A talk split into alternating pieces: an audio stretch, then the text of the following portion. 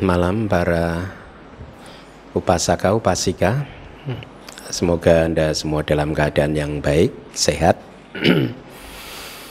sehat jasmani, sehat juga batin Anda sehingga Anda batinnya menjadi siap untuk belajar abidama lagi. Ya.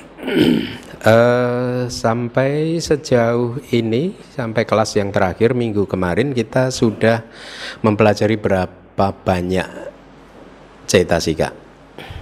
Hmm? Yang pertama adalah akusala cetasika ada berapa?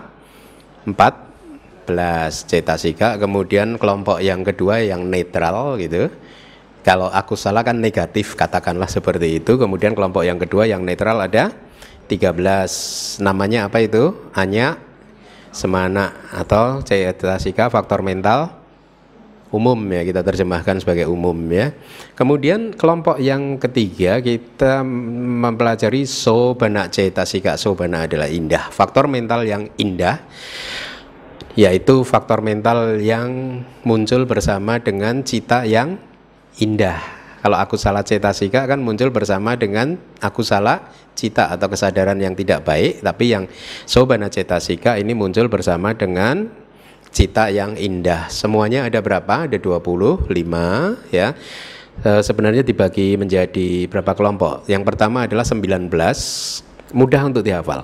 Kelompok pertama terdiri dari 19 cetasika, kelompok kedua dari terdiri dari tiga cetasika, kelompok ketiga terdiri dari dua cetasika, kelompok yang terakhir keempat berarti terdiri dari ter, satu cetasika, 19 3 2 satu ada empat kelompok. 19 yang pertama disebut sebagai sobana sadarana cita atau kesada uh, cetasika sorry. Faktor mental yang uh, universal untuk semua kesadaran yang indah. Ya anda masih ingat ada berapa jumlah kesadaran yang indah? 59 atau 91 ya 19 sobana sadarana cetasika atau cetasika yang universal indah ini selalu muncul bersama dengan 59 atau 91 kesadaran yang indah. Jadi agak mudah kan? Kalau yang 14 aku salah cetasika selalu uh, kalau muncul itu hanya muncul di aku salah cita. Kalau yang ini kalau muncul itu harus muncul di sobana cita. Kalau yang 19 yang kelompok pertama itu universal. Artinya setiap kali kesadaran indah itu muncul maka 19 ini ada. Ya. Uh, jadi dengan demikian uh, Anda mulai bisa membayangkan karena topik kita setelah e, menguraikan individu dari faktor mental ini satu persatu ini nanti kita akan mencoba untuk melihat bagaimana cita dan cetasika berkumpul, berasosiasi, bergabung untuk melakukan proses kognisi di dalam satu e, satu jenis cita tertentu gitu ya. E, baik, e, minggu lalu dari Sobana Sadarana Cetasika sudah kita pelajari berapa? Kalau nggak salah empat ya. Masih ingat yang pertama adalah sat Sada, saya harap Anda masih uh, ingat semua yang saya sampaikan minggu lalu atau sada adalah keyakinan. Kemudian yang kedua adalah sati atau perhatian penuh. Kemudian yang ketiga hiri atau rasa malu. Kemudian out tapa atau hmm, takut akan perbuatan jahat ya terhadap perbuatan jahat. Hiri dan otapa secara kolektif keduanya disebut sebagai penjaga dunia ya loka pala penjaga dunia. Nah, malam hari ini kita akan masuk ke cetasika yang sebelumnya uh, selanjutnya. Yang nomor lima adalah aloba atau di sini saya terjemahkan sebagai tanpa keserakahan. Walaupun kita terjemahkan sebagai tanpa keserakahan tetapi harap Anda pahami bukan berarti kalau cita Anda sedang tidak ada keserakahan maka ini adalah alobanya pasti ada bukan ya a loba itu sebenarnya artinya a kebalikannya lebih tepat kebalikannya dari loba. Kebalikan dari keserakahan bukan tanpa keserakahan tetapi kalau diterjemahkan menjadi kebalikan dari keserakahan kurang enak ya. Lawan dari keserakahan juga kurang enak. Makanya kita terjemahkan sebagai tanpa keserakahan tetapi Anda harus memahami bukan berarti kalau kesadaran tertentu, cita tertentu muncul tidak disertai dengan keserakahan berarti di sana ada a loba bukan. Karena dosa mula cita juga tidak ada loba kan? Kesadaran yang berakar pada kebencian kan tidak ada keserakahan. Tapi tanpa keserakahan juga tidak ada. Jadi pemahamannya adalah tanpa keserakahan itu adalah kebalikan atau lawan dari uh, keserakahan ya. Nah, uh, tanpa keserakahan. Kalau batin kita itu mempunyai tanpa keserakahan, maka batin menjadi lebih mudah untuk melepas. Karena tanpa keserakahan ini cirinya tidak melekat. Batin kita tidak melekat kepada objek. Ya, sehingga objek yang muncul akan dengan cepat lenyap dan batin tidak mengingat-ingatnya kembali dalam artian menggemakannya kembali ya eh, dalam bentuk khayalan-khayalan dan lain sebagainya. Jadi tanpa keserakahan itu juga sering diterjemahkan menjadi perilaku batin yang tidak tertarik terhadap objek. Sudah tidak tertarik. Kalau tidak tertarik kan tidak mungkin pengalaman indrawi objek-objek panca indera menggema berulang kembali di hati kita kan karena batin sudah tidak tertarik dengan objeknya ya. Uh, jadi ini adalah faktor mental yang membuat batin kita tidak lekat tidak menempel e, kepada objek semata-mata yaitu tadi karena apa batin sudah tidak tertarik kepada objeknya. Nah, mari kita lihat karakteristiknya adalah bebas dari keserakahan atau ketamaan atau ketidaktertarikan terhadap objek batin atau keadaan tidak lekat seperti tetesan air di daun e, teratai. Sebenarnya objek batin itu Anda lihat itu terjemahan dari aramane cita sak kadang-kadang ya cita di sini saya terjemahkan menjadi batin tidak sebagai kesadaran lagi ya uh, jadi pada prinsipnya uh, anda harus ketahui bahwa karakteristik dari aloba atau tanpa keserakahan adalah satu kualitas batin yang tidak lekat kepada objek. Seperti perumpamaan ini bagus sekali kan, tetesan air di daun teratai. Anda bayangkan air yang menetes di daun teratai, dia langsung tergelincir kan? Ya dan daun teratainya tidak terkena imbas atau tidak terkena percikan sehingga airnya menempel sedikit pun tidak kan?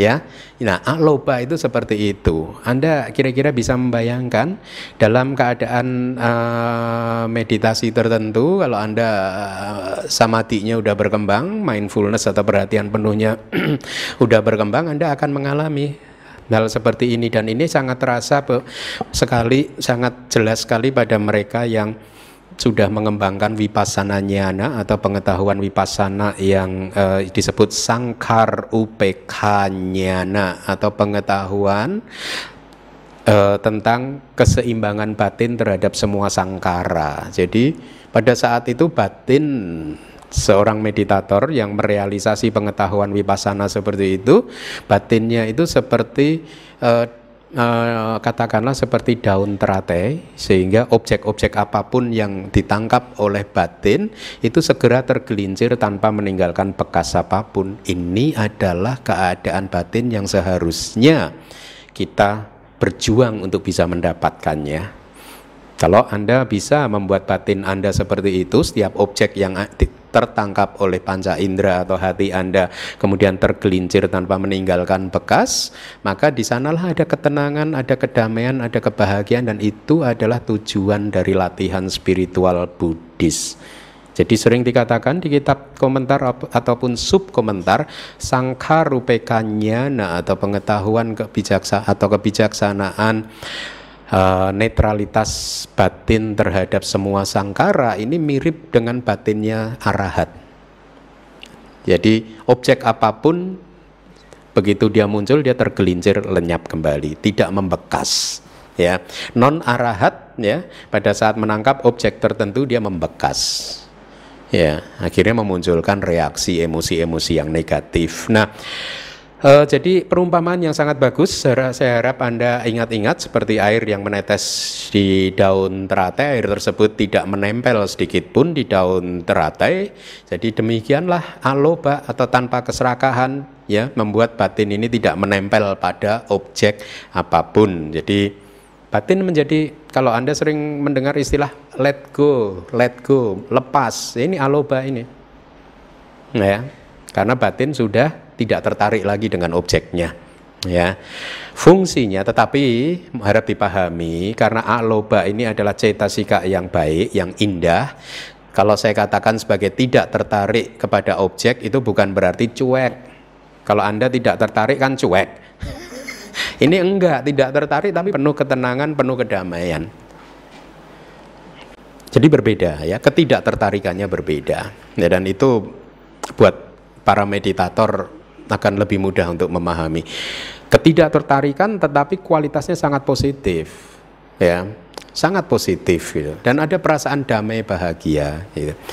Nah, eh, fungsinya itu adalah tidak menggenggam uh, seperti seorang biku yang sudah terbebaskan parigahana raso atau rasa fungsinya adalah parigaha gahana tidak menggenggam muta biku wia. Seperti seorang biku yang sudah terbebaskan itu maksudnya seperti batin seorang arahat tadi sudah saya katakan kan? Jadi arahat itu batinnya sudah terbebaskan karena apa? Sudah menghancurkan a sawa. Sudah menghancurkan noda batin, sudah menghancurkan uh, kekot, semua kekotoran batin, sehingga uh, disebutkan di dalam kitab tafsir batin seorang arahat karena sedemikian murninya beliau ini tidak melekat terhadap apa pun. Kalau ada dayaka ada umat berdana ini berdana itu ya tidak ada kemelekatan apa pun ya. Tetapi sekali lagi bukan berarti ini sikap yang pasif tidak melekat cuek ya yang seperti orang ya orang di pinggir jalan sana juga cuek tidak melekat gitu. Tapi bukan bukan seperti ini. Ini adalah satu kualitas batin yang sangat bagus ya Uh, kemudian seperti biasa manifestasinya tidak melekat kepada objek seperti seorang laki-laki yang jatuh ke dalam tempat yang kotor yang berisi kotoran maksudnya. Saya kadang tidak tega untuk menulis apa adanya gitu. Kalau ditulis apa adanya itu ya asuci tempat yang tidak suci, tidak tidak tidak uh, murni ya uh, diberi penjelasan itu seperti seseorang laki-laki jatuh ke tempat di mana itu penuh dengan kotoran manusia, kotoran e, binatang. Begitu dia jatuh ke sana, kan kotorannya menempel, dia akan segera membersihkan membersihkan badannya begitu. Nah, manifestasinya adalah seperti itu, akloba itu. Begitu ada objek ini dianggap sebagai kotoran. Ya, makanya cepat dibersihkan, cepat dilepaskan. Hmm? Let go. Ya. Kemudian eh, apa? Katakanlah seseorang yang bisa berdana. Anda Anda berdana katakanlah, ya. Pada saat itu kan Anda melepaskan kepemilikan Anda. Lihat, ya ciri-cirinya seperti itu akloba ya, tanpa keserakahan setiap kali anda berdana di sana ada sedikit banyak kadar akloba ada di sana tanpa keserakahan barang anda yang menjadi milik anda anda lepaskan ya seperti tadi kotoran yang menempel di tubuh dia bersihkan dia lepaskan sehingga badannya bersih gitu Ya, kira-kira seperti itu. Kemudian eh, sebab terdekatnya di kitab kita tidak disebutkan, ya. Tapi ada kalimat-kalimat eh, di kitab yang lain, aklobo macera malasa patipakho. Artinya akloba itu berlawanan dengan kekikiran. Nah, ini saya ingin jelaskan. Kekikiran yang di sini yang menjadi lawan dari tanpa keserakahan adalah kekikiran yang seperti ini. Anda mempunyai uang katakanlah seribu rupiah dan Anda tidak mau membaginya kepada teman Anda.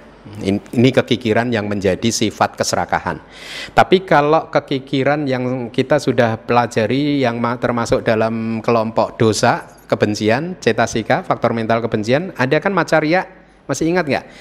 Saya terjemahkan juga sebagai kekikiran tetapi karakternya berbeda. Kalau ini adalah loba keserakahan itu kita punya barang dan kita tidak mau membagi. Tapi kalau macaria saya katakanlah Anda adalah orang yang pandai abidama, pinter abidama dan begitu melihat ada orang yang belajar abidama Anda nggak suka. Anda menghambat orang untuk bisa menguasai abidama. Karena Anda pengen hanya Anda sendiri yang pinter abidama. Paham? Itu kekikiran itu seperti itu ya. Karena dia termasuk dalam kelompok dosa kebencian, ada antipati di sana, ada penolakan di sana. Kalau ini adalah loba, menggenggam dia. Barang yang sudah menjadi miliknya digenggam, tidak mau dilepaskan ataupun dibagi dengan orang lain. Paham ya? Baik. Uh, kemudian ya tanpa adanya akloba maka akan sulit buat uh, kita semua untuk melepaskan kepemilikan kita. Jadi setiap kali Anda berdana, berderma apa pun itu karena ada cetasika akloba di sana keta, tanpa keserakahan. Uh, di kitab komentar dari uh, kitab yang pertama itu Dhamma Sanggani ya. Itu ada keterangan seperti dengan akloba ya karena akloba maka seseorang ini tidak merasakan sakit atau kesedihan pada saat berpisah dengan orang yang dicintai. Hmm? Kalau Anda berpisah dengan orang yang Anda cintai dan Anda tidak merasakan kesedihan apa pun, ya, Anda benar-benar dengan penuh kebijaksanaan melepaskan dia, ya, membiarkan dia untuk melanjutkan meneruskan jalan kamanya sen dia sendiri, maka di sana ada tanpa kemelekatan, tanpa keserakahan. Ya. Uh, kemudian dengan akloba juga dikatakan rasa sakit saat lahir kembali itu tidak dialami. Kalau seseorang lahir alobanya kuat, dia lahirnya bayinya lahirnya tidak menangis.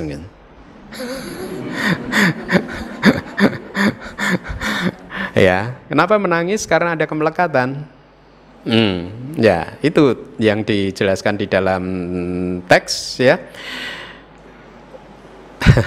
Bahkan kalau menurut Abhidhamma, setiap kali bayi terlahir menjadi manusia ya, kan kesadaran pertama yang muncul adalah kesadaran penyambung kelahiran kembali. Setelah itu masuk ke dalam proses pintu batin dan setelah proses pintu batin nanti di bab keempat kita akan mempelajari ini. Proses kognisi kognitif di pintu batin itu berlangsung satu periode.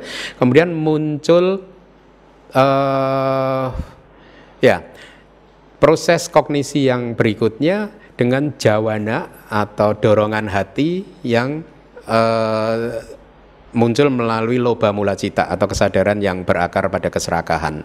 Jadi itu menurut Abhidhamma. Dorongan hati yang pertama dari setiap manusia ini ya yang belum tercerahkan maksudnya itu adalah selalu loba, keserakahan. Jadi pada waktu kita lahir pertama kali udah pikiran kita udah melekat ke mana-mana dan efeknya akhirnya kita menangis. Hmm? Karena kita melekat kepada sesuatu dan kita tidak mendapatkannya, akhirnya kita muncul dosa mula cita. Nah, uh, dengan aloba maka gaya hidup yang penuh kemelekatan kepada kepuasan kebahagiaan indrawi bisa kita hindari. Alobo ceta arogyasa pacayo hoti atau aloba itu adalah kondisi untuk kesehatan. Itu uh, di teks kita. Kondisi yang bisa memunculkan kesehatan. Karena seorang yang yang tidak serakah dia tidak akan begitu saja mengumbar hawa nafsunya. Ya untuk menyenangi dunia ini ya keduniawian ini nah, meskipun dia tahu ini adalah hal yang nggak baik ya tapi tetap dikejar. Ini adalah sumber penyakit yang membuat seseorang menjadi tidak sehat gitu. Aloba juga kalau dia berbuah akan menghasilkan uh, kelahiran di alam dewa. Dengan aloba seorang seseorang bisa hidup nyaman dan damai di tengah masyarakat dan di tengah kemewahan yang dimiliki oleh orang lain ya orang lain lebih sukses dari anda tapi anda tetap stay cool ya tidak ada iri hati tidak ada apa istilahnya keinginan untuk memiliki harta benda dia karena itu adalah ciri dari keserakahan ya Kemudian nih ini agak menarik. Alobe nak ca anicca dasanang hoti. Dengan aloba maka seseorang akan mempunyai pandangan terang tentang anicca. Ya, pandangan terang tentang anicca itu akan menjadi kuat kalau aloba ini juga kuat. Dan ini saling berkebalikan. Kalau Anda mengembangkan tanpa keserakahan ya, maka secara perlahan-lahan Anda akan memperkuat persepsi bahwa segala sesuatu adalah tidak kekal. Ya, logikanya keserakahan Anda muncul karena ada persepsi yang memberitahu batin Anda bahwa benda yang menjadi objek keserakahan Anda adalah sesuatu yang ke kal. Paham? Jadi pada saat akloba berkembang, pemahaman tentang anicca juga berkembang. Kebalikannya juga seperti itu. Kalau pemahaman Anda melalui yang Anda kembangkan melalui meditasi tentang ketidakkekalan itu menguat, maka akloba Anda juga lama-lama akan menguat. Tanpa keserakahan akan menguat. Ya, paham ya? Nah, Aloba itu juga merupakan satu dari tiga akar yang baik ya selama ini anda mengenal tiga akar yang tidak baik kan, yaitu apa? Loba, dosa, moha. Kebalikannya ada akar yang baik, kusala hetu, ya, yaitu a salah satunya ini, kemudian a dosa, ya, sebentar lagi kita akan pelajari dan a mo Ha, baik. Jadi aloba sekali lagi itu adalah kualitas batin yang positif ya, bukan kualitas batin yang cuek, tetapi sangat positif yang termasuk kemurahan hati, juga penolakan terhadap kemelekatan terhadap keduniawian.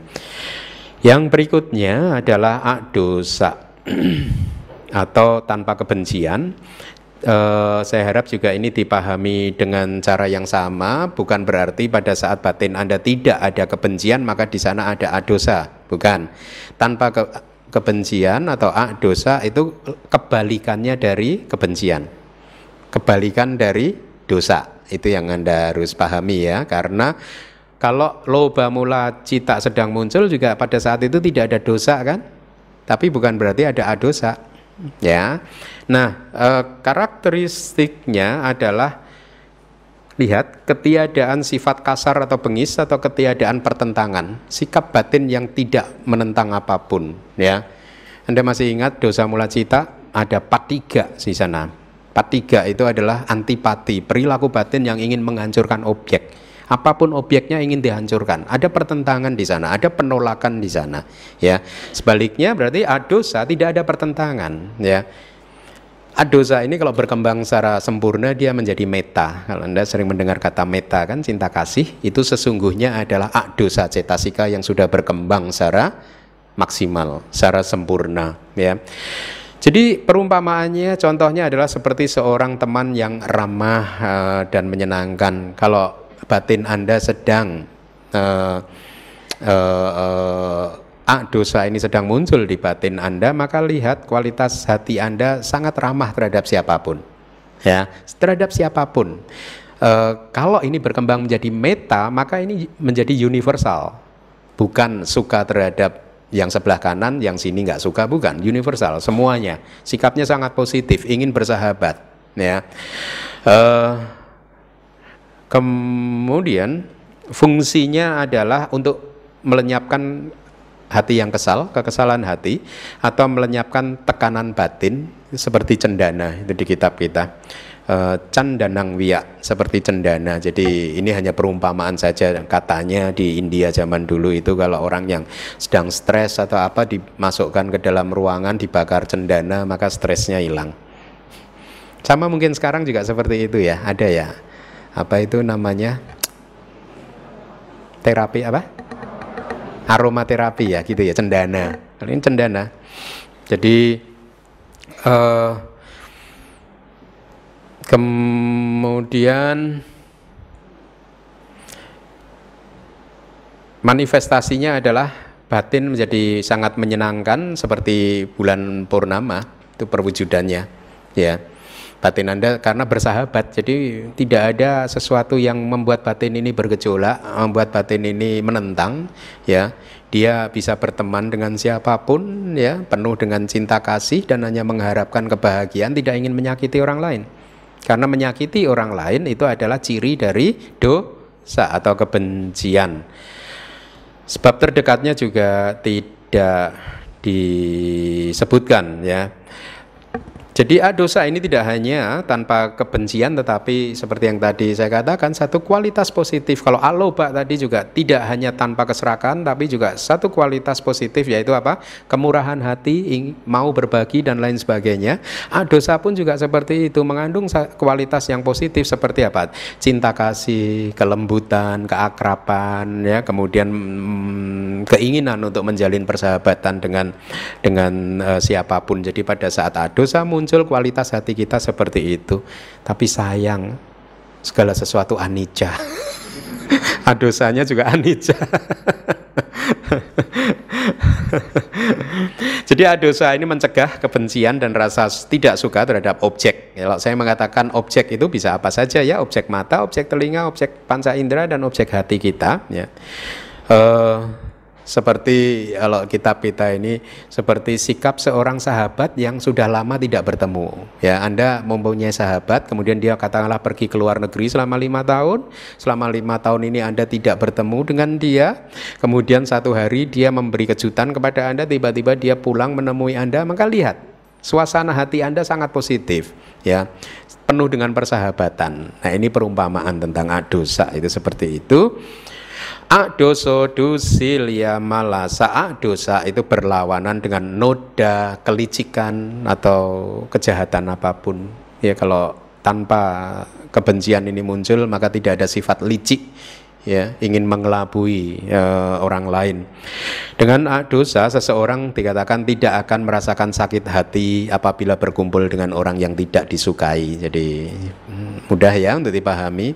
Kalau Anda masih suka tidak nyaman kalau ada orang yang tidak Anda sukai duduk di sebelah Anda, berarti di sana ada dosa, ada kebencian, ada rasa tidak suka di sana ya.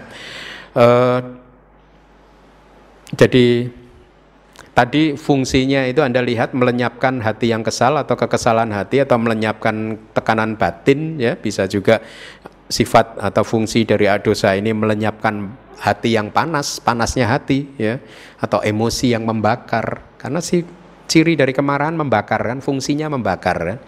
Kebalikannya ini adosa ini tidak membakar. Jadi Tiga dosa sakipang jara sambawato Seseorang yang penuh kebencian akan cepat menjadi tua Nah dan di antara anda ada yang tua sebelum waktunya enggak? Mateng sebelum waktunya ada enggak? Kalau ada berarti hati-hati, jangan-jangan Anda sifatnya pemarah karena dosa apa? Uh, karena kemarahan, kebencian membakar, ya. Karena fungsinya adalah membakar landasan tempat dia muncul kan kita udah bertemu kan, ya. Maka seperti apa pun yang kalau dibakar kan pasti cepat mateng kan, betul nggak? Nah, Anda kalau sering marah berarti Anda nanti cepat mateng. cepat tua rambut, cepat beruban, kulitnya keriput. ya, sangat menarik ya uh, pelajaran abidama. Kemudian dengan adosa kesakitan karena usia tua menjadi tidak terasa. Kalau tadi dengan A loba kesakitan akan kelahiran tidak terasa, dengan A dosa kesakitan akan usia tua menjadi tidak terasa. Kenapa?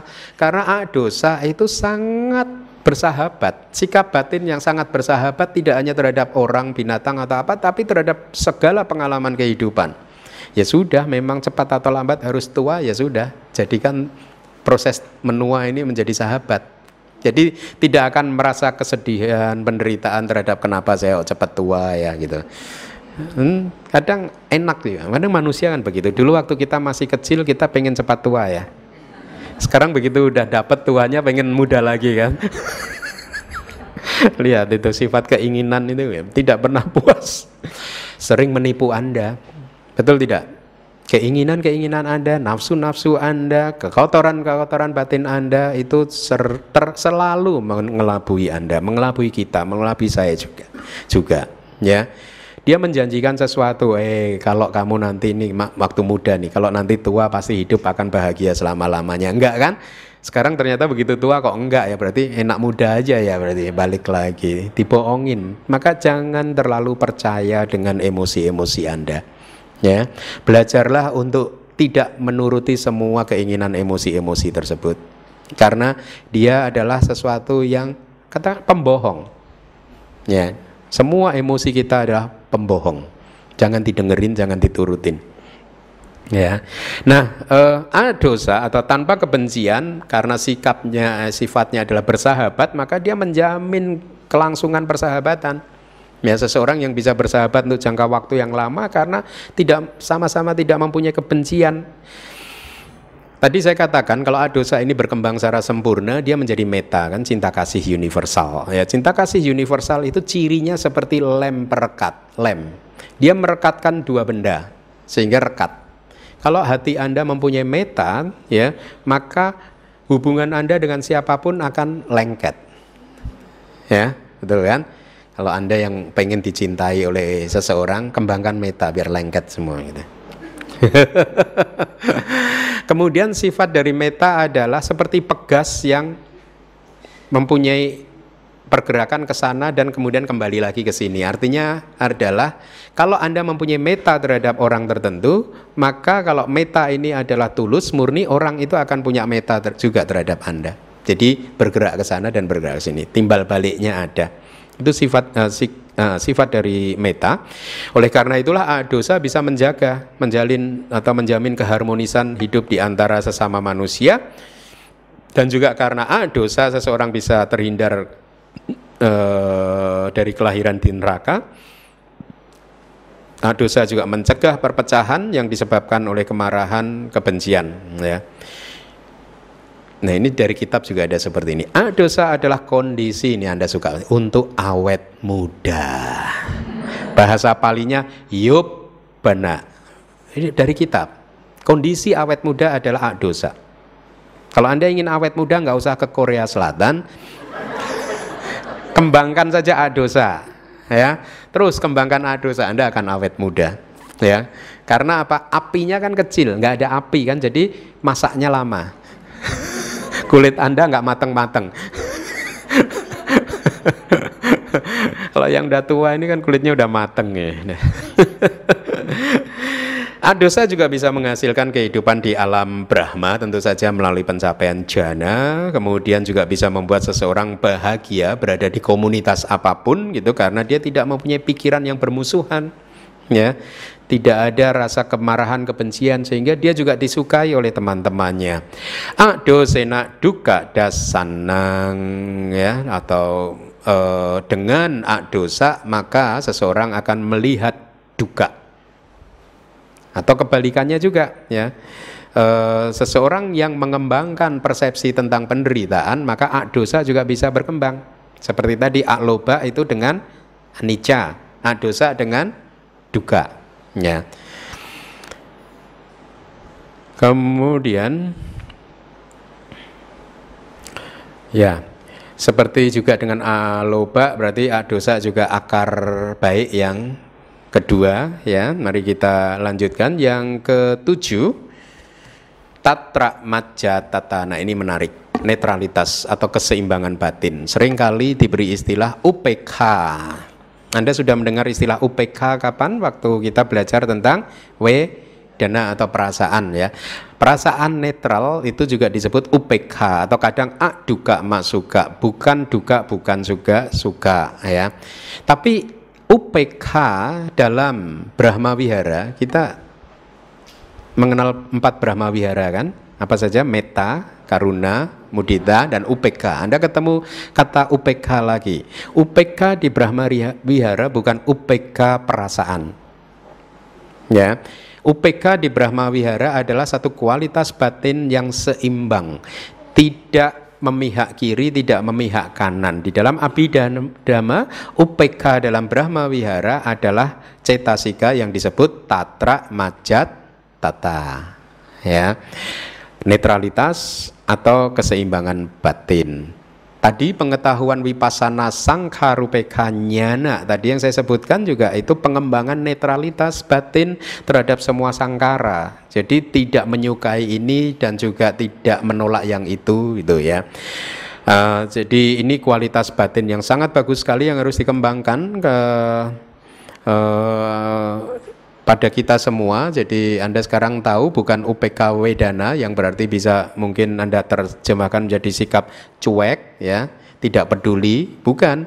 UPK sebagai satu sikap batin yang netral, yang seimbang adalah UPK yang mengerti bahwa dia tidak uh, lebih uh, memposisikan di tengah, tidak memihak ke kiri dan juga tidak memihak ke uh, kanan Karakteristiknya adalah membawa cita dan cetasika dengan seimbang. Artinya cita dan cetasika yang muncul pada saat itu ya dibuat seimbang oleh tatra majat tata. Jadi supaya apa? Supaya dia cita dan cetasika itu bisa melakukan atau melaksanakan fungsinya masing-masing dengan sem sempurna ya.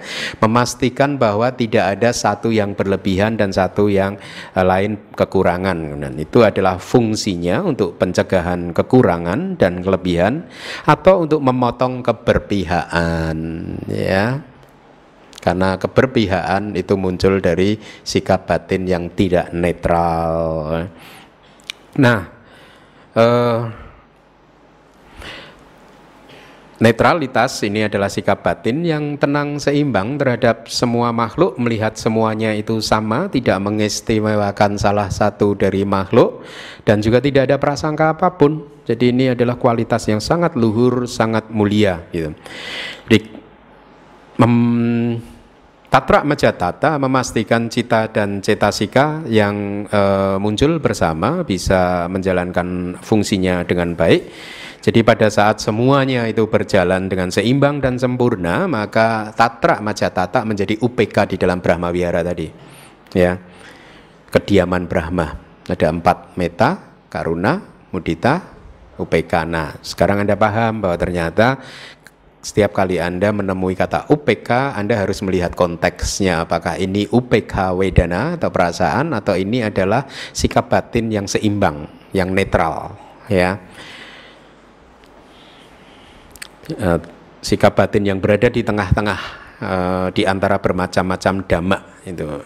Tesu damesu majat tata tatra majatata. Jadi netralitas atau keseimbangan batin adalah keadaan berada di tengah-tengah di antara bermacam-macam dhamma itu terjemahannya. Dhamma di sini berarti cita dan cetasika yang sedang muncul pada saat itu. Kemudian uh, manifestasinya adalah ya netralitas sekali lagi netral bukan cuek tetapi penuh dengan pemahaman. Ya kalau cuek itu kan tidak peduli tidak bersimpati terhadap apa pun atau tidak bersimpati terhadap uh, permasalahan orang lain ya. Yang cuek yang seperti ini adalah musuh dekat dari tatra majatata ya. sebab terdekatnya tidak disebutkan Contohnya seperti kusir kereta yang memperlakukan kuda-kudanya yang terlatih dengan adil. Anda bayangkan seorang kusir kereta supaya keretanya ini bisa berjalan dengan sempurna, dia memastikan kuda, semua kuda, katakanlah ada empat kuda, itu dia bisa bekerja sesuai dengan porsinya masing-masing. Ya, karena kalau salah satu kuda berlebihan, kuda yang lain kalah, jalannya akan miring-miring nanti. ya, kira-kira seperti itu. Kemudian yang berikutnya itu adalah enam pasang cetasika atau faktor mental ya yang saya harap Anda sudah menghafalkannya sebelum masuk ke kelas ini. Pasangan yang pertama adalah kaya pas sadi atau ketenangan tubuh mental yang Kedua adalah cita pasadi, ketenangan kesadaran. Apa yang disebut ketenangan tubuh mental di sini? Kayoti cetak wedena dayo tayo kanda. Kaya atau tubuh di sini merujuk kepada tiga agregat mental selain winyana kanda. Selain winyana kanda ada tiga agregat lagi yaitu agregat perasaan, agregat persepsi, agregat apa? Formasi-formasi batin. Pancakanda itu apa saja? Rupa kanda, wedana kanda, sanya kanda, sangkara kanda, winyana kanda. Rupa kanda adalah materi. Empat yang lain adalah nama atau batin, ya. Nah, di sini disebutkan tubuh mental adalah tiga agregat set, uh, yang dimulai dengan wedana berarti wedana kanda, sanya kanda, sangkara kanda itu yang dimaksud dengan tubuh atau secara singkat tubuh mental adalah cetasika. Karena winyana kanda adalah cita. Kan begitu ya. Jadi eh, Kayak pasadi ketenangan tubuh mental adalah berarti artinya dengan demikian ketenangan dari tiga agregat mental tadi Wedana kanda, Sanya kanda dan Sangkara kanda yang muncul bersama dengan cita ya. Kemudian karakteristiknya mari kita lihat. Kalau cita pasadi berarti kan ketenangan kesadaran. Berarti kayak pasadi dan cita pasadi itu adalah ketenangan mental, ketenangan batin. Ya. Karakteristiknya adalah menenangkan ketegangan faktor-faktor mental itu untuk kaya pasadi dan menenangkan ketegangan kesadaran itu adalah untuk cita pasadi. Fungsinya adalah menghancurkan ketegangan dari uh, keduanya. Jadi dikatakan kalau tidak ada kaya pasadi dan cita pasadi batin kita ini tegang. Ya. Jadi tidak ada rasa tenang, tidak ada rasa damai gitu. Kemudian eh, manifestasinya adalah ketidak gemetaran, artinya batinnya tidak gemetaran, tidak bergerak, bergejolak terlalu kencang dan itu sangat terasa pada saat Anda bermeditasi. Kalau Anda mencapai pasadi, mencapai ketenangan yang yang optimal ya, maka segala sesuatunya menjadi sangat tenang. Pergerakan batinnya juga tidak ada, maka biasanya dalam retret-retret saya beri perumpamaan seperti bendera yang sudah tidak bergerak lagi. Ya. Kemudian eh, Manifestasinya juga berupa ketenangan, kesejukan dari keduanya, artinya kesejukan tubuh mental dan juga kesejukan dari kesadaran. Sebab terdekatnya disebutkan sebagai e, kayak dan cita. Jadi ya sekali lagi kalau anda kesulitan menghafal semua karakteristik fungsi manifestasi dan sebab terdekat Anda paling tidak bisa ambil salah satu antara karakteristik atau fungsi saja Anda hafalkan ya Uh, jadi di kitab komentar terhadap Abhidhamma Pitaka ada cerita seperti ini. Seperti seseorang yang bepergian, ya, ini orang bepergian untuk jarak yang cukup jauh, ya, di zaman India kuno dulu 2600 tahun yang lalu seseorang sering kali bepergian dari satu kota ke kota yang lain itu hanya berjalan kaki. Padahal India itu panas sekali. Jadi setelah dia melakukan perjalanan jarak jauh jalan kaki di uh, apa kena panas terik matahari, kemudian setelah kepanasan uh, dan kelelahan dia menemukan pohon yang rindang. Dia pun kemudian memutuskan untuk beristirahat dan duduk di bawah pohon yang rindang. Maka pada saat itu segala rasa panas dan kelelahan lenyap ya.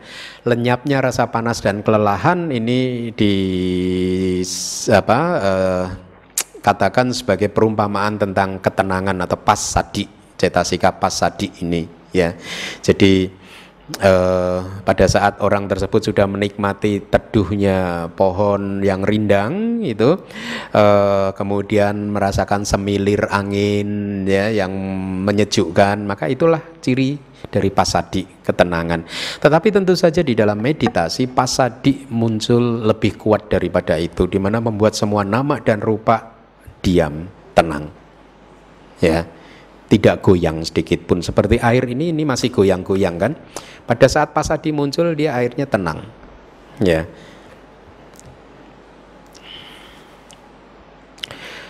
Uh, Pasam banti e tayak te dhamma wigata darata bawanti samasa sapatati pasadi ini dari Dhamma Sangganyata kata halaman 150. Jadi dikarenakan olehnya maka ketiga dhamma yaitu tiga agregat mental tadi Wedana Kanda, Sanya Kanda dan Sangkara Kanda menjadi tenang ya. kemudian juga menjadi bebas dari rasa cemas dan ketegangan ya ketiga agregat tadi dikatakan telah mencapai satu situasi kelegaan, lega seperti seseorang yang kepanasan kemudian dia berteduh di bawah pohon yang rindang tadi.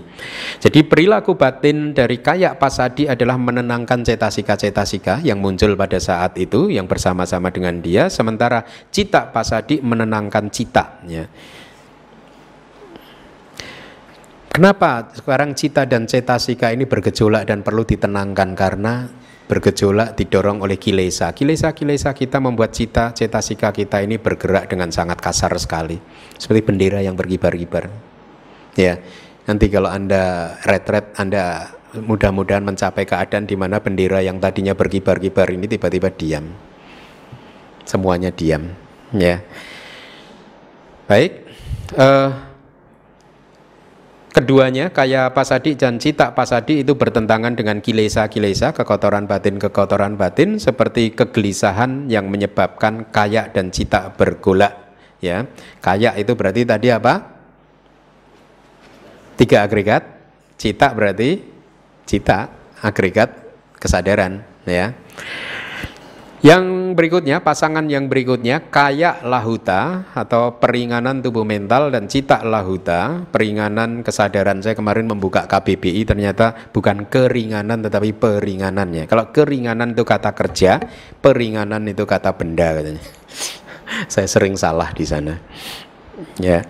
Uh, kaya sak lahu bawo kaya lahuta cita sak lahu bawo kaya nah, cita lahuta faktor mental yang menjadi ringan itu adalah kaya lahuta atau peringanan tubuh mental. Kesadaran yang menjadi ringan adalah cita lahuta ya saat ini cita dan cetasika kita berat terasa berat ya. Kalau tadi sore Anda bermeditasi, kalau Anda mencapai uh, konsentrasi yang cukup bagus, maka lihatlah keadaan tadi sore cita dan cetasika Anda lebih ringan daripada sekarang.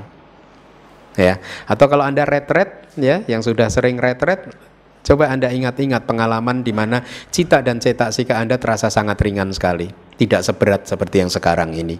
Ya. Nah, eh, karakteristiknya adalah melenyapkan kaya dan cita yang berat kemudian fungsinya menghancurkan kaya dan cita yang terasa berat tadi. Manifestasinya tiadanya kelambanan dari kaya dan cita sebab terdekatnya adalah sama kaya dan cita atau tiga agregat dan juga cita nah eh, kalau di kitab Dhamma Sangganiata kata ada perumpamaan seperti ini. Eh, seseorang yang telah melakukan perjalanan jauh dengan apa ini mengangkat beban yang sangat berat. Kemudian dia mendapat kesempatan untuk beristirahat dengan meletakkan bebannya itu. Jadi semuanya tiba-tiba menjadi ringan ya. Kira-kira seperti itu. Jadi cita dan cetasika kita menjadi sangat ringan. Tadi disebutkan karakteristiknya melenyapkan kaya dan cita yang berat. Itu bukan berarti ada cetasika yang berat kemudian lenyap diganti yang ringan. Bukan tetapi karakteristiknya tadinya berat kemudian berangsur menjadi ringan. Ya. Uh, ada juga kalimat ini. Sigang sigang pariwatana samatatati wutang hoti. Artinya seperti yang sudah disampaikan jadi uh, peringanan tubuh mental dan peringanan kesadaran adalah kemampuan dari batin ini untuk berputar dengan cepat ya untuk sangat nanti setelah ini kita akan belajar tentang batin yang lentur. Batin yang ringan ini dia bisa uh, mengambil objek dengan sangat mudah sekali gitu dan juga didukung oleh cetasika yang lain sehingga membuatnya tidak melekat, tidak menolak dan lain sebagainya. Ya, itu yang dimaksudkan. Kemudian uh, ya, kita lihat yang berikutnya. Keduanya, kedua cetasika tadi itu bertentangan dengan kilesa-kilesa seperti kemalasan dan rasa kantuk yang menyebabkan kaya dan cita menjadi berat. Ya, jadi membuat batin ini menjadi kaku ya karena uh, ada beban dari tina dan midak atau kemalasan dan rasa kantuk. Lihatlah pada saat Anda sedang malas dan kemudian muncul rasa kantuk, batin Anda menjadi berat kan? Terasa sangat berat kan? Anda ingin melakukan sesuatu, Anda ingin membaca buku mungkin, tetapi keinginan hanya tinggal keinginan saja. Mau mengambil bukunya aja berat gitu. Akhirnya lebih baik tidur aja. menyerah kan ya jadi eh, kira-kira seperti itu kayak lahuta dan cita uh, lahuta ya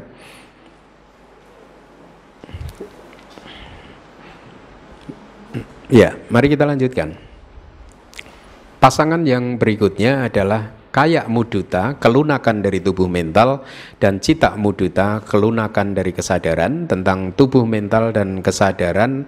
Saya harap Anda sudah memahaminya.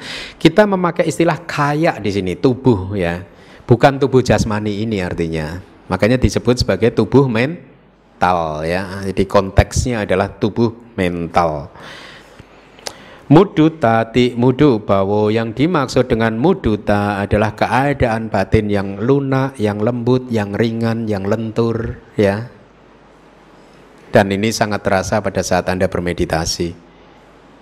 Sebenarnya semuanya akan menjadi sangat jelas kalau Anda bermeditasi dan e, mencapai kemajuan di dalam latihan Anda. Ya. Karakteristiknya adalah membuat kaya dan cita menjadi lega dan tidak kaku, ya. Tidak kasar juga akak kala bawo kemudian fungsinya adalah untuk menghancurkan kaya dan cita yang kaku ya. Kemudian manifestasi atau perwujudannya ya hmm, tiadanya antipati atau penolakan terhadap objeknya. Kemudian sebab terdekatnya sama yaitu kaya dan cita keduanya dikatakan bertentangan dengan kilesa-kilesa seperti pandangan salah kita sudah bertemu kan titik dan juga kesombongan. Bahasa palinya apa? Mana bagus. Yang menyebabkan kaya dan cita menjadi keras dan kaku ya. Seseorang yang masih dikuasai oleh pandangan yang salah, batinnya menjadi kaku dan keras. Dia tidak mau give up, tidak mau apa e, melepaskan pandangan salahnya, mempertahankan pandangan salahnya menjadi seseorang yang defensif, ya mempertahankan diri terus tidak mau ini melepaskan uh, atau meng, bahkan mengakui kesalahannya. Dan juga demikian seorang yang sombong pun juga begitu uh, batinnya menjadi keras dan kaku juga.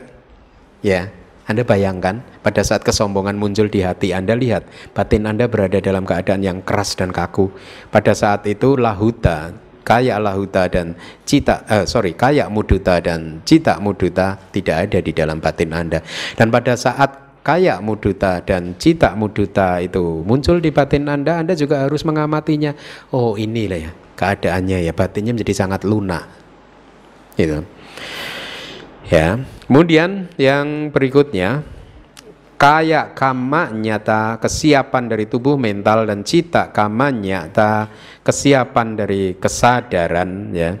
Apa yang dimaksud dengan istilah itu? Kama nyata ti kama saduta. Kama nyata atau kesiapan uh, adalah ketepatan di dalam bertindak. Yang dimaksud di sini adalah kesigapan di dalam melakukan segala sesuatu yang baik karakternya menekan ketidakcakapan di kayak dan cita jadi artinya itu menekan kondisi-kondisi yang membuat batin ini menjadi tidak aktif dan juga membuatnya menjadi lamban sehingga batin selalu menjadi tidak siap untuk melakukan kebajikan apa pun ya.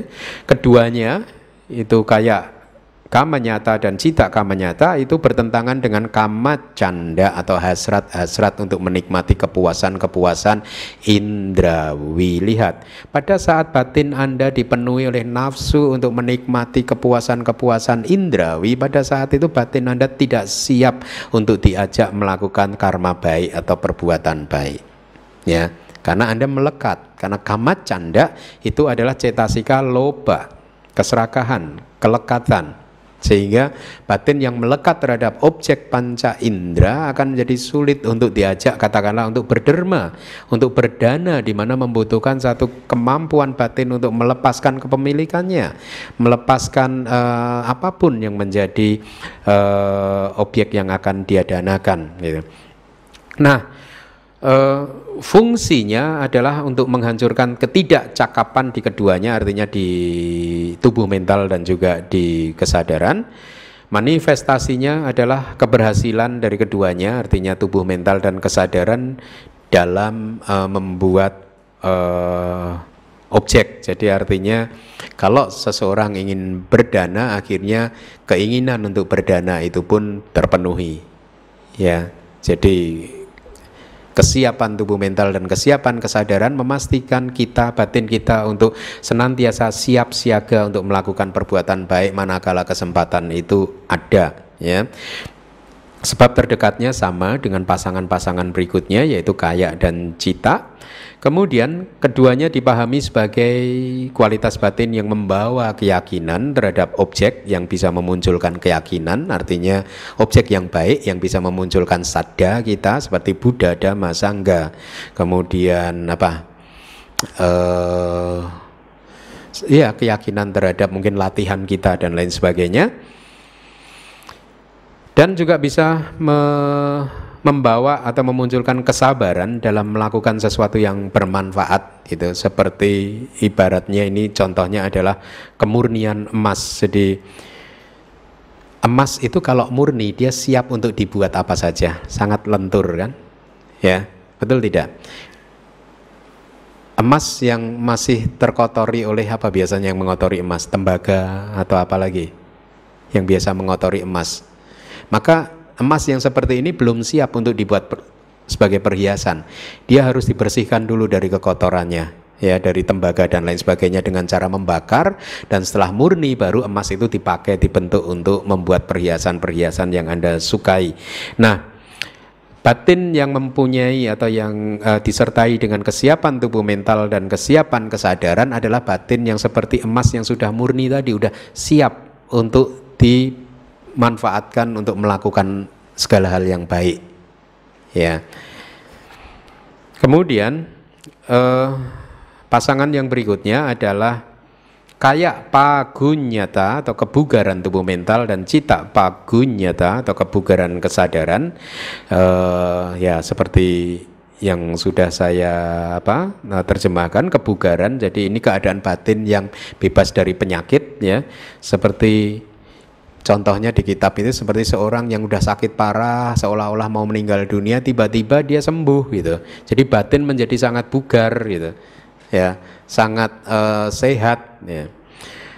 Kemudian karakteristiknya adalah kebebasan, kaya dan cita dari penyakitnya, ya, yang membuat dia menjadi uh, apa? Tidak bisa untuk diajak melakukan perbuatan-perbuatan yang baik. Fungsinya adalah menghancurkan penyakit itu sendiri dan manifestasinya kebebasan dari uh, bahaya. Artinya kalau batin ini sedang sakit maka dia cenderung akan melakukan hal-hal yang tidak baik. Ya. Batin yang sedang tidak sehat dia akan cenderung jatuh kepada loba mula cita, dosa mula cita dan moha mula cita. Ya. Kemudian sebab terdekatnya masih sama yaitu kaya dan cita. Ya. Kebugaran tubuh mental dan kebugaran kesadaran ini membuat batin kehilangan sada dan sati yang merupakan kualitas yang uh, sangat dibutuhkan. Kalau batin Anda sudah tidak mempunyai sada, minggu lalu saya sudah sampaikan, batin yang mempunyai sada dia bisa melakukan pekerjaan yang sangat sulit, sesulit apa pun itu. Ya, tapi batin yang sudah tidak mempunyai sada maka dia akan cenderung menjadi batin yang sakit, yang mudah untuk melakukan hal-hal yang tidak baik. Keduanya bertentangan dengan kilesa-kilesa seperti tidak adanya keyakinan yang menyebabkan uh, batin ini sakit, ya. Cita dan cetasika ini sakit. Baik, kemudian pasangan yang terakhir adalah kayu jukata, kejujuran dari tubuh mental dan citu jukata, kejujuran dari kesadaran. Uh, definisinya adalah uju kata ti ujuka bahwa yang dimaksud dengan ujuk kata adalah keadaan yang jujur, keadaan batin yang jujur, ya. Karakteristiknya adalah ketegakan dari kebenaran. Dia menegakkan kebenaran, ya. Kemudian e, fungsinya adalah menghancurkan kebengkokan di kaya dan cita. Jadi e, bengkok itu digambarkan seperti kail ikan. Saya akan bacakan kalimat di Dhammasanggani ada kata dulu. Ajimha tati gomut tak wangka bawa pati kepo yang dimaksud dengan kelurusan atau kejujuran itu adalah keadaan yang berlawanan dengan kebengkokan kebengkokan aliran seperti kencing sapi di kitab kita seperti itu. Tapi diberi contoh ini seperti ini. Uh, ada beberapa contoh. Bengkok digambarkan seperti kail ikan yang bengkok seperti itu ya. Atau seperti bulan sabit itu kira-kira seperti itu. Itu maksudnya apa sih batin yang bengkok? Batin yang manipulatif. Hmm? Memanipulasi kebenaran. Dia bengkok kan. Fakta dia bengkok kan. Kira-kira seperti itu gitu. Ya saya sudah bertemu dengan beberapa orang yang sangat manipulatif. Ya. Demi kepentingan pribadi dia bisa memanipulasi situasi, bisa memanipulasi fakta, dibengkokkan supaya memenuhi kepentingan pribadi dia gitu. Ya. Nah, kayu Jukata tidak seperti itu. Dia menegakkan kebenaran. Dia lurus-lurus saja. Ya, kalau ini adalah satu kebenaran, maka buat dia dia harus bela, dia harus tegakkan. Gitu ya, kebenaran harus diluruskan, harus ditegakkan. Nah, kebengkokan yang dimaksud di sini ya tentu saja itu adalah manifestasi dari kalau kita bicara abidama berarti perwujudan dari 12 aku salah cita manipulatif. Muncul bisa dari loba mula cita, bisa dari dosa mula cita, kan begitu ya. Nah, eh, contohnya di dalam kitab kita diberi beberapa contoh Ibaratnya seseorang dia telah melakukan kejahatan kemudian dia mengatakan saya tidak melakukannya kok. Ya, bengkok kan dia kan? Ya. Jadi dia tidak jujur ini dikatakan dalam kitab seperti kencing sapi. Setelah dikeluarkan kemudian tarik mundur kembali katanya begitu. Contoh yang kedua adalah seseorang pada saat dia sudah melakukan kejahatan, ya sedang melakukan kejahatan, tetapi dengan temannya saya takut loh melakukan kejahatan, tapi dia lakukan juga. Bengkok kan berarti kan? Ya? Tidak sesuai dengan realitas kan? Dia dikatakan sebagai tidak jujur. Ini ibaratnya bengkok seperti bulan sabit. Perumpamaan-perumpamaan saja. Kemudian yang ketiga, seseorang pada saat dia melakukan kejahatan atau hal apa pun yang tidak baik, dia mengatakan, siapa yang tidak takut dengan kejahatan sih? Itu seolah-olah dia takut, padahal dia melakukan. Huh? Orang seperti ini dikatakan sebagai bengkok tidak jujur seperti mata bajak. Anda tahu mata bajak ya? Dia bengkok kan? Bengkok ya jadi tidak lurus gitu. Nah, eh, manifestasinya adalah tadi berarti tidak bengkok sebab terdekatnya masih sama yaitu kayak dan cita. Keduanya itu bertentangan dengan kilesa-kilesa seperti pengelabuan fakta. Ya. Berarti kelicikan, ya. Kemudian la, pengelabuan kecerdikan, kecerdikan tetapi lebih dalam artian licik, cerdik dan licik untuk mengelabui temannya, untuk mengelabui dunia gitu. Sehingga akhirnya menyebabkan pembengkokan di kayak dan uh, cita. Nah, kita sudah selesai uh, 19 cetasika. Cet, 19 cetasika ini disebut sebagai sobana sada rana cetasika atau faktor mental yang indah dan juga universal artinya universal berarti dia apa muncul selalu muncul bersama dengan cita yang indah. Sekali lagi ada berapa jumlah cita yang indah? 59 atau 91 ya. Mudah. Selain 12 aku salat cita dan 18 ahituka cita, selebihnya adalah cetasika yang indah. 12 tambah 18 berapa anak-anak? 30. Terus berarti eh, 89 dikurangi 30 berapa anak-anak? 59 121 dikurangi 30 berapa anak-anak? Ya Hah? 90 1 berarti 59 atau 91 ini adalah jumlah kesadaran yang indah pada saat kesadaran indah ini muncul maka 19 cetasika tadi juga muncul bersamanya ya. Baik, dengan demikian maka selesailah kelas kita pada malam hari ini.